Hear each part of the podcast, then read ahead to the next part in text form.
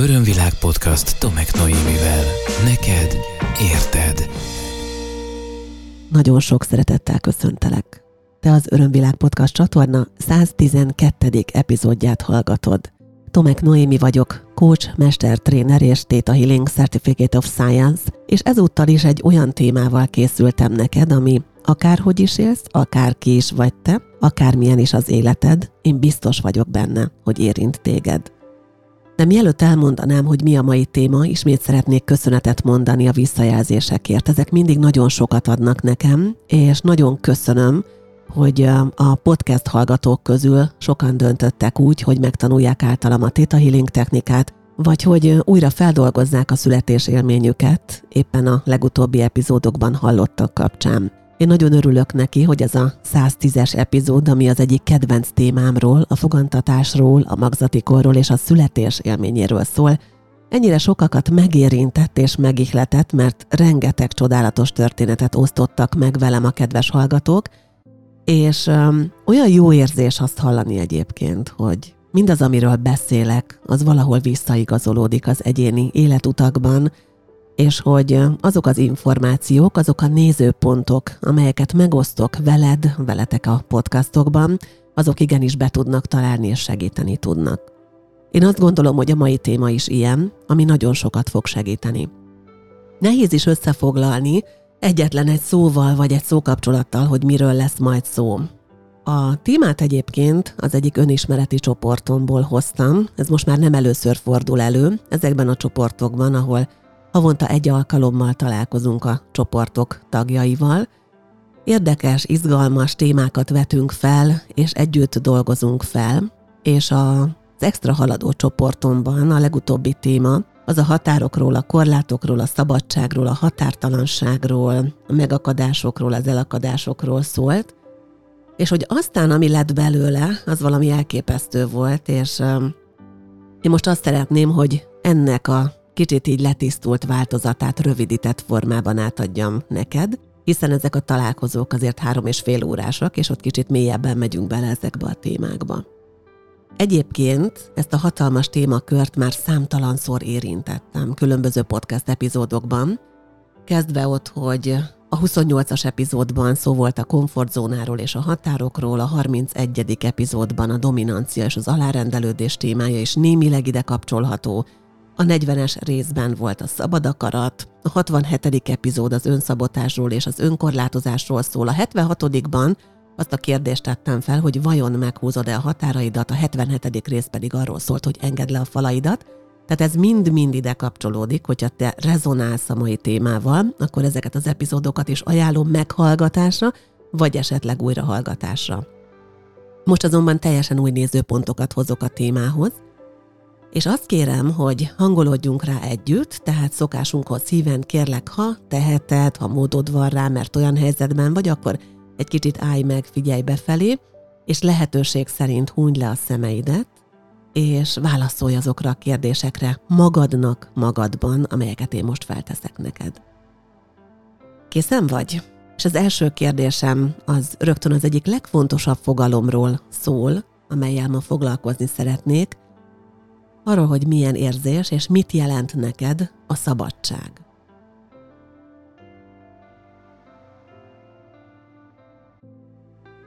Miközben ráhangolódsz a szabadság érzésére, és erre a kifejezésre, kérlek azt is figyeld meg a tudatosságoddal, hogy rögtön milyen szavak jutnak róla eszedbe, milyen asszociációk indulnak el azonnal az elmédben, a tudatodban.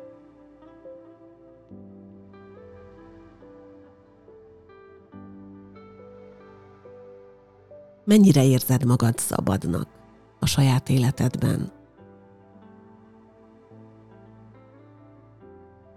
Melyek azok az életterületek, ahol jobban tudsz élni a szabadságoddal, és melyek azok, ahol kevésbé?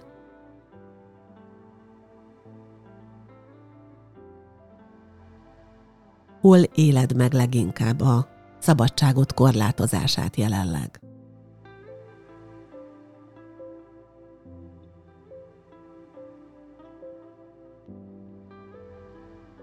Számodra mi a különbség a korlátok és a határok között?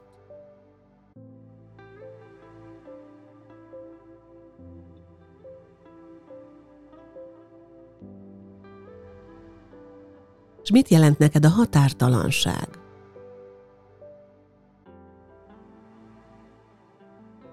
Mennyire fontos számodra, hogy legyenek határok?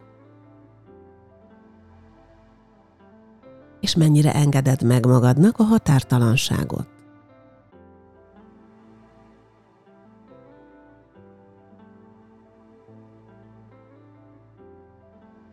Azt hiszem, hogy egyelőre ennyi kérdés épp elég ahhoz, hogy megmozduljon benned a mai téma, amelyel kapcsolatban egy nagyon izgalmas nézőpontot szeretnék behozni, még hozzá azt, hogy mennyire elképesztően nagy szerepe van annak, hogy mit milyen kifejezéssel illetünk, illetve az adott kifejezés még mit jelent.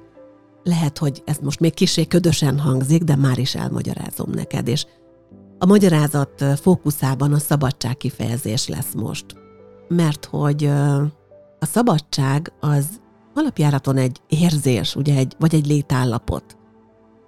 De Magyarországon és a magyar nyelvben a szabadság az azt is jelenti, hogy azok a napok, amikor nem kell bemennem a munkahelyemre dolgozni. Ugye az angol nyelvben vannak külön kifejezések erre, a freedom és a holiday. A német nyelvben van külön kifejezés erre, más nyelvekben vannak külön kifejezések erre. A magyar nyelvben viszont a szabadság érzése, és az, hogy szabadságra megyek a munkahelyemről, az ugyanazon szóval fejeződik ki. Ez nagyon érdekes, mert egyébként a magyar nyelv elképesztően árnyalt, és általában azt tapasztaljuk, hogy magyarul sokkal több kifejezésünk, szavunk van arra, amelyre más nyelvekben csak egy kifejezés, csak egy szó van, hát itt éppen fordítva. És ugye ez mit okozhat? Hát rengeteg olyan hitrendszert mozgósíthat bennünk a szabadság szó és a szabadság állapotának a megélése, amelyek valójában korlátok, mert nem a szabadság érzéséről szólnak, hanem a, a munkahelyi szabadságról szólnak. Kicsit menjünk bele abba, hogy hogyan megy valaki a munkahelyén szabadságra.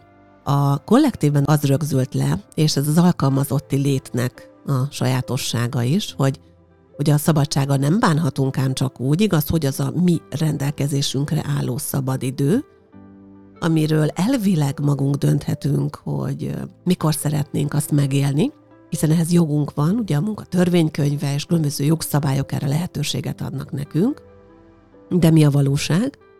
Szabadságra menni egyáltalán nem olyan egyszerű, mert lehet, hogy már évelején ki kell találni, hogy te mikor fogod igényelni a szabadságodat, meg kell tudnod mondani januárban a szabadságos terv készítésekor a munkahelyeden, hogy decemberben te mikor szeretnél elmenni. Hogyha olyan a munkád, amelyet mindig, mindig valakinek el kell látni, tehát mondjuk egy üzletben dolgozol, és ahhoz, hogy az üzlet nyitva tudjon tartani, a négy kolléganőből kettőnek mindig dolgoznia kell, akkor ez azt jelenti, hogy meg kell tudni ezt beszélni a kollégákkal is.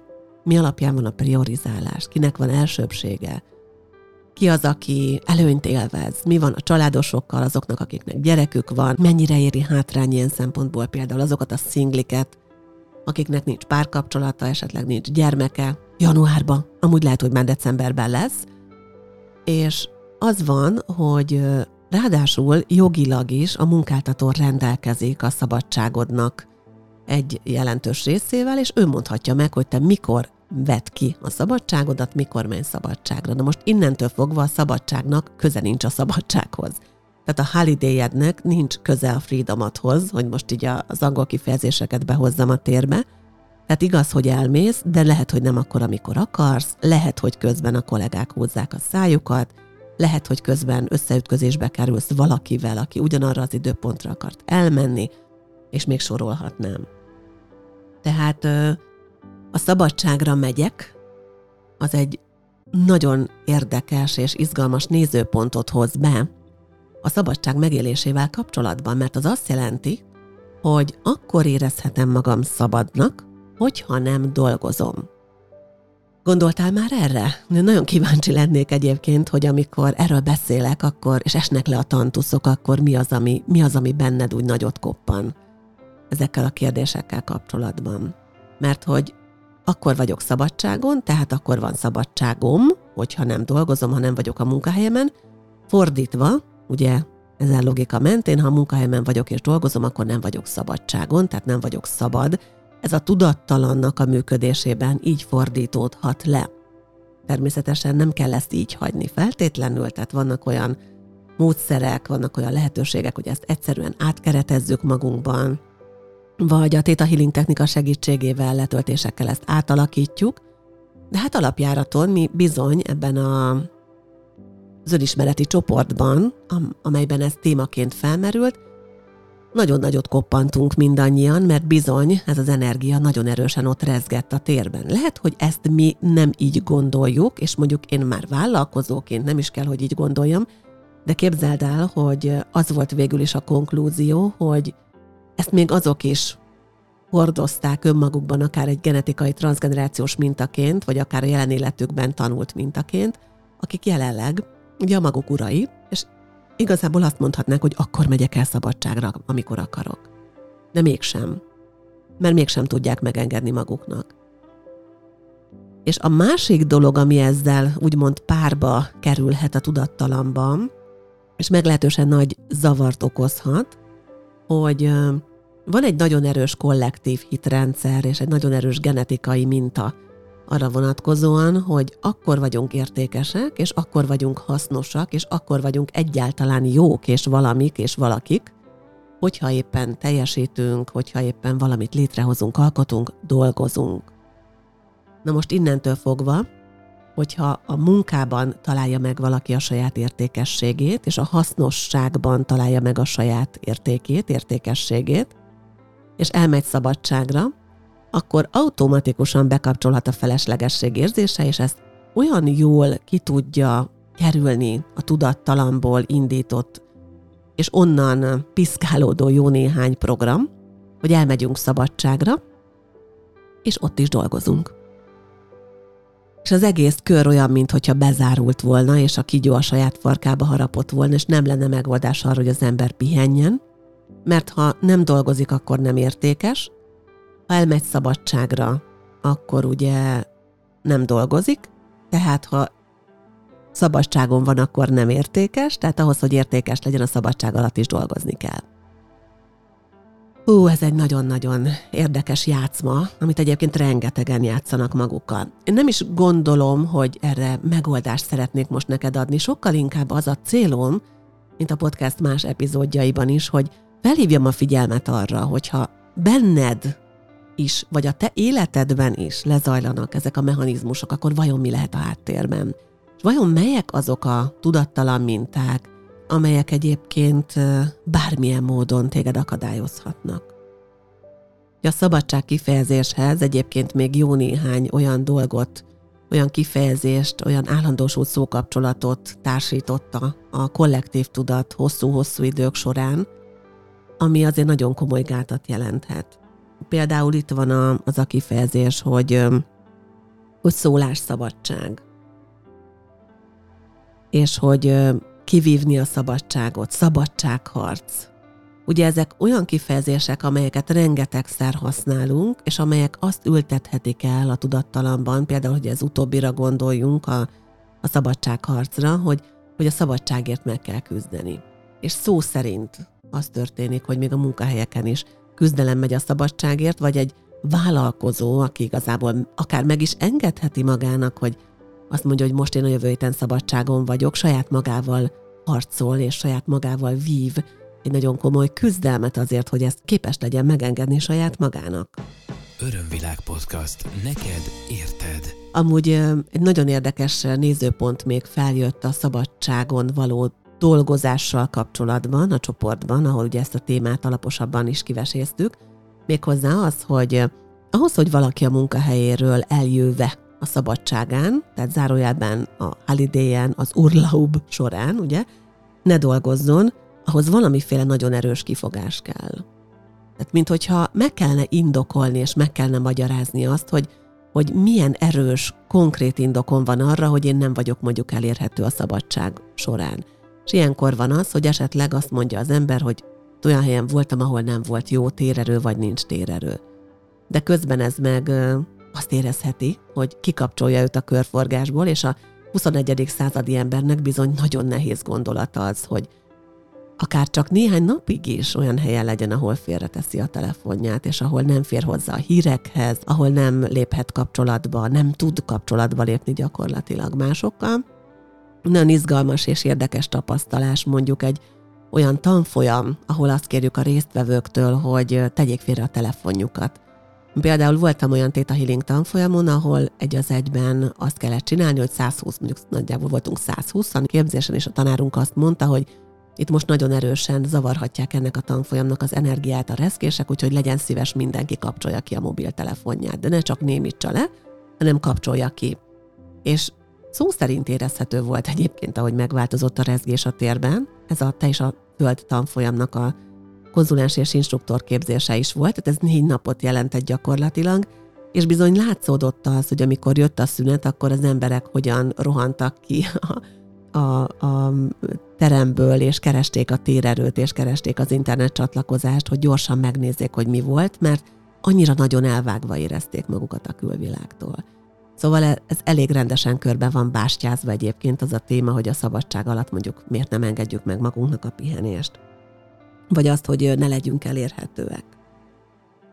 Azért mi ebben a csoportban, ahol ezzel a témával foglalkoztunk, arra jutottunk, hogy adhatunk ám a szavaknak önálló rezgést azáltal, hogy mi hozzá kapcsoljuk a saját jelentéstartalmunkat, mert hogy a maga az érzelem az, ami a, a szavakhoz még egy nagyon erős energiát kapcsol, tehát hogyha te átkeretezed magadban a szabadságról alkotott képedet, és el tudod különíteni a munkahelytől távol töltött szabadidődet, ami egyébként munkaidő is lehetne, tehát azt a fajta szabadságot, amit kiveszel a munkahelyeden, és elmész pihenni, és el tudod különíteni magát a szabadságérzését, és eltérő jelentéstartalmat és eltérő érzelmi mintákat kapcsolsz hozzá, akkor ez benned nagyon szépen úgymond el tud válni egymástól, nem abban az értelemben, hogy nem lehet közük egymáshoz, és te a szabadságod alatt nem élheted meg a szabadságérzését, hanem teljesen jól meg tudod határozni, hogy melyik neked mit jelent, és megfelelő módon tudod használni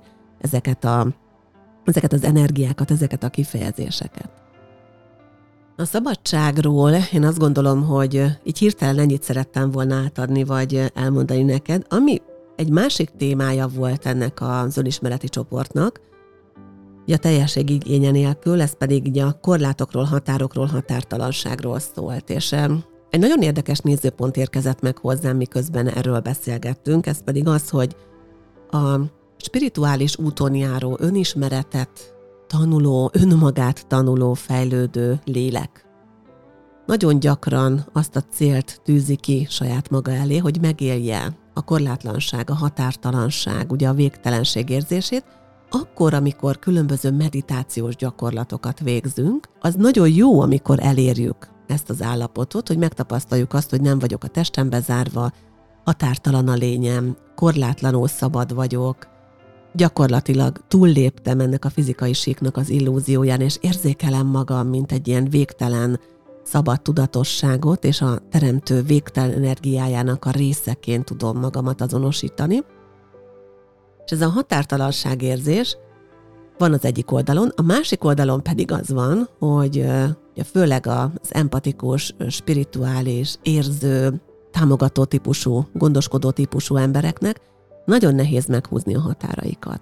És bizony az egy feladat az önismereti úton, hogy nagyon konzekvens és nagyon határozott határokat tudjunk húzni, és megmutassuk másoknak, hogy az én terem az eddig enged betéged, innentől fogva ez már az én területem, az én döntésem alapján, és nem engedem meg neked, hogy mondjuk belefoly itt vagy ott jobban az életembe.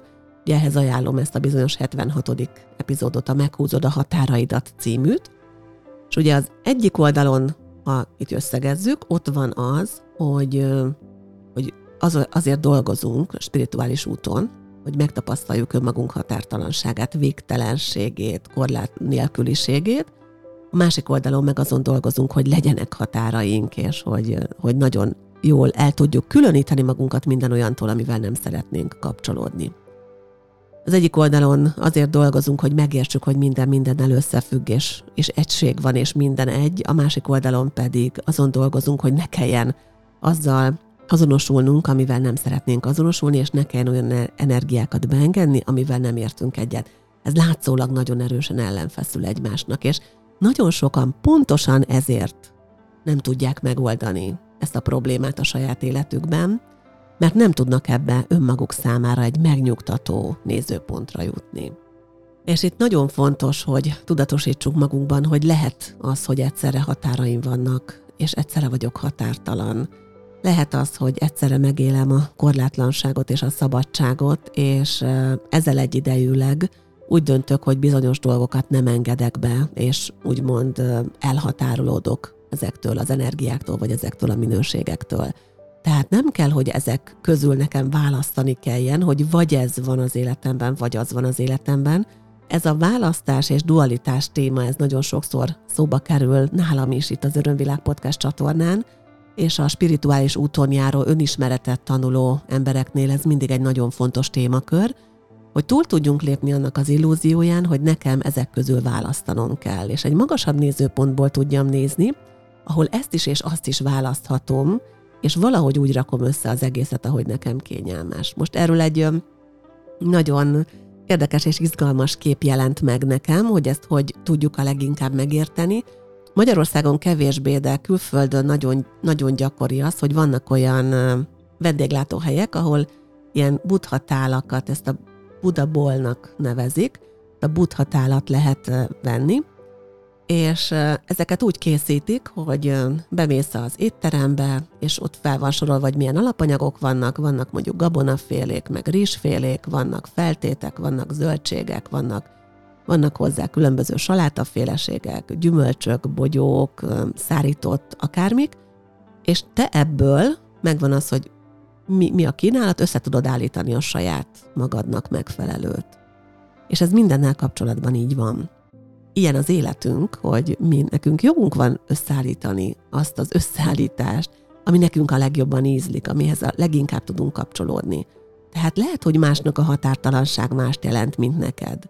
De lehet rá egy egyéni nézőpontod, lehet, hogy másnak a szabadság mást jelent, mint neked, lehet, hogy a kollektívnek vagy a szüleidnek mást jelent a szabadság, de neked akkor is lehet erre egy egyéni nézőpontod. És ez a korlátlanság, határtalanság témával kapcsolatban ami nagyon izgalmas és felmerült, és ez nagyon erősen ott van egyébként a magyarok kollektív tudattalanjában, az az, hogy hányszor és milyen módon sértették meg egyébként a határainkat.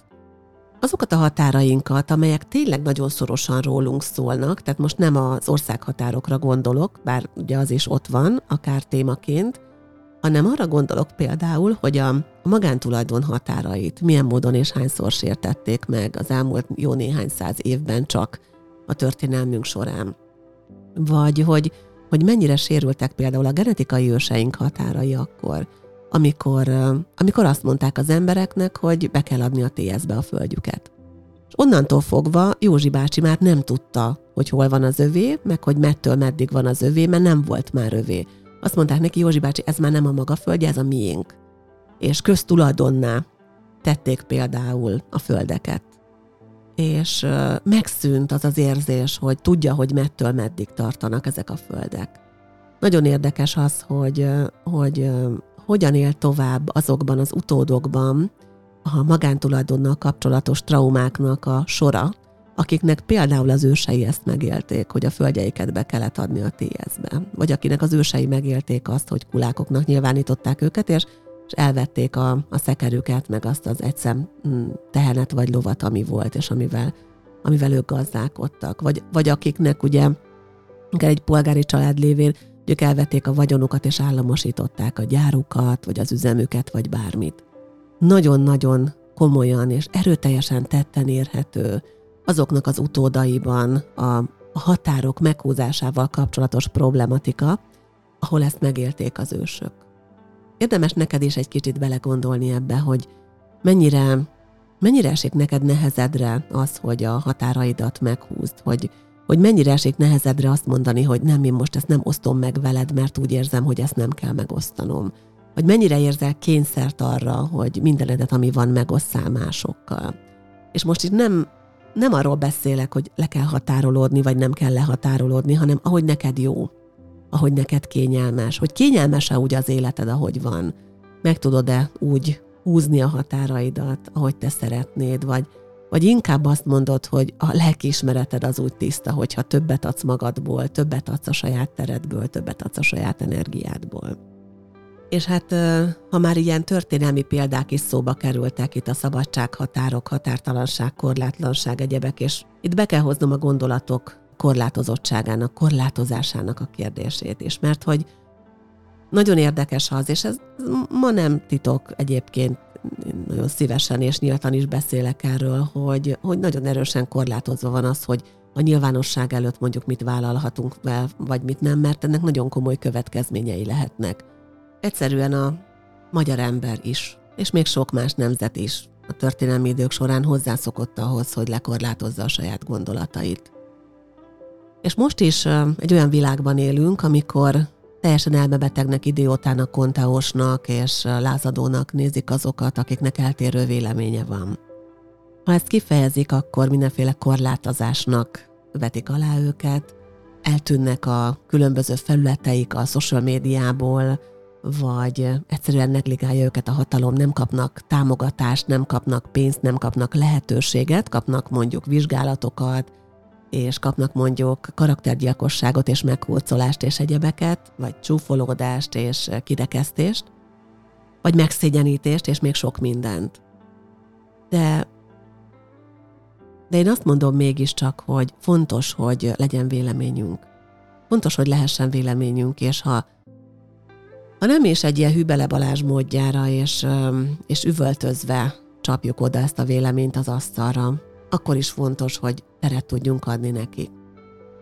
Lehet, hogy ezt finoman tesszük, de fontos, hogy megmerjük tenni, hogy ne féljünk attól, hogy ennek következményei lesznek, hogy szabadok tudjunk lenni, hogy a szabadság érzését ne csak abban élhessük meg, hogy elmertem menni a munkahelyemről szabadságra, és megmertem engedni magamnak, hogy ne érjenek el, hanem abban is megélhessük a szabadság érzését, hogy kimondhatjuk a gondolatainkat, és vállalhatjuk gondolatainkat és az érzéseinket, anélkül, hogy a negatív következményeitől félni kellene. Amikor először jártam Nepálban, akkor, akkor voltam egy olyan helyen, ahol teljesen természetes volt, hogy elefántok vannak a házaknál, ugye ott a királyi elefánt csordát is ott tartották, nem tudom ennek pontosan mi a helyes és helytálló kifejezése, és gyakorlatilag azt láttam, hogy a hatalmas nagy hímelefántoknak a lábán egy nagyon pici lánc volt csak, és megkérdeztem Narayant, a kísérőnket, és hogy hát ezek nem tudják eltépni azt a láncot, és azt mondta, hogy simán el tudnák tépni igazából minden megerőltetés nélkül, de nem teszik meg. Mert kiskorukban rászoktatták őket arra, hogy ott a lánc a lábukon, akkor még valóban nem tudták volna elszakítani, és utána az elméjük korlátozza őket már abban egész életük során, hogy ezt valaha is meg akarják változtatni, és hogy azt a láncot el akarják tépni, és hogy igazából egy laza mozdulattal kilépjenek a fogságukból. Szóval az a helyzet, hogy, hogy érdemes neked is észrevenned, hogy felnőttél. Hogy azok a korlátok, azok a láncok, amelyek ott voltak rajtad gyerekkorodban, mert a szüleid nem engedtek meg valamit. Azok a korlátok, azok a láncok, azok a korlátozó gondolatok és minták, amelyeket az őseitől hoztál, azok lehet, hogy számokra igazak és helytállóak és segítőek és támogatóak és biztonságot adóak voltak, de lehet, hogy neked már nem kell így gondolnod. És ö, neked is szól az a fontos kérdés, amelyet a csoport tagjainak feltettem ezen a bizonyos találkozón, hogy észreveszed-e, hogy mekkorára nőttél. És tisztában vagy-e azzal, hogy milyen hatalmas erőbirtokában vagy. Én ezzel a gondolattal és ezzel a kérdéssel búcsúzom már tőled. Én hálásan köszönöm, hogy mindezeket a gondolatokat megoszthattam veled, és nem csak neked köszönöm a figyelmet, hanem annak a fantasztikus csoportnak, a, az extra haladós csoportomnak is, akikkel ezt kibogoztuk együtt, és akik által lehetővé vált, hogy ezt most neked is továbbadjam és megosszam veled a témával kapcsolatban más epizódok is érdekelnek, akkor ugye azokat megemlítettem ennek a résznek az elején, de a leírásba is belinkelem őket. Ha érdekelnek programjaim, aktualitásaim, szeretnél esetleg tőlem tanulni, akkor nagy szeretettel várlak. A www.örömvilág.hu hollapon megtalálod a programjaimat, aktualitásaimat. Megköszönöm, hogyha feliratkozol YouTube csatornámra, vagy feliratkozol bármely podcast abban az Örömvilág podcast csatornára, És hogyha úgy érzed, hogy a különböző social media felületeken szívesen olvasol és hallasz tőlem tartalmakat, akkor megtalálsz a Facebookon is, Tomek Noémi néven, illetve az Instán is Tomek Noémi néven. Hálás köszönet a figyelmedért, remélem találkozunk legközelebb is. Sok szeretettel ölellek. Ez volt az Örömvilág podcast Tomek Noémivel. Hétről hétre új témák, érdekes nézőpontok a tudatosság útján járóknak. www.örömvilág.hu Témát ajánlanál? podcastkukac örömvilág.hu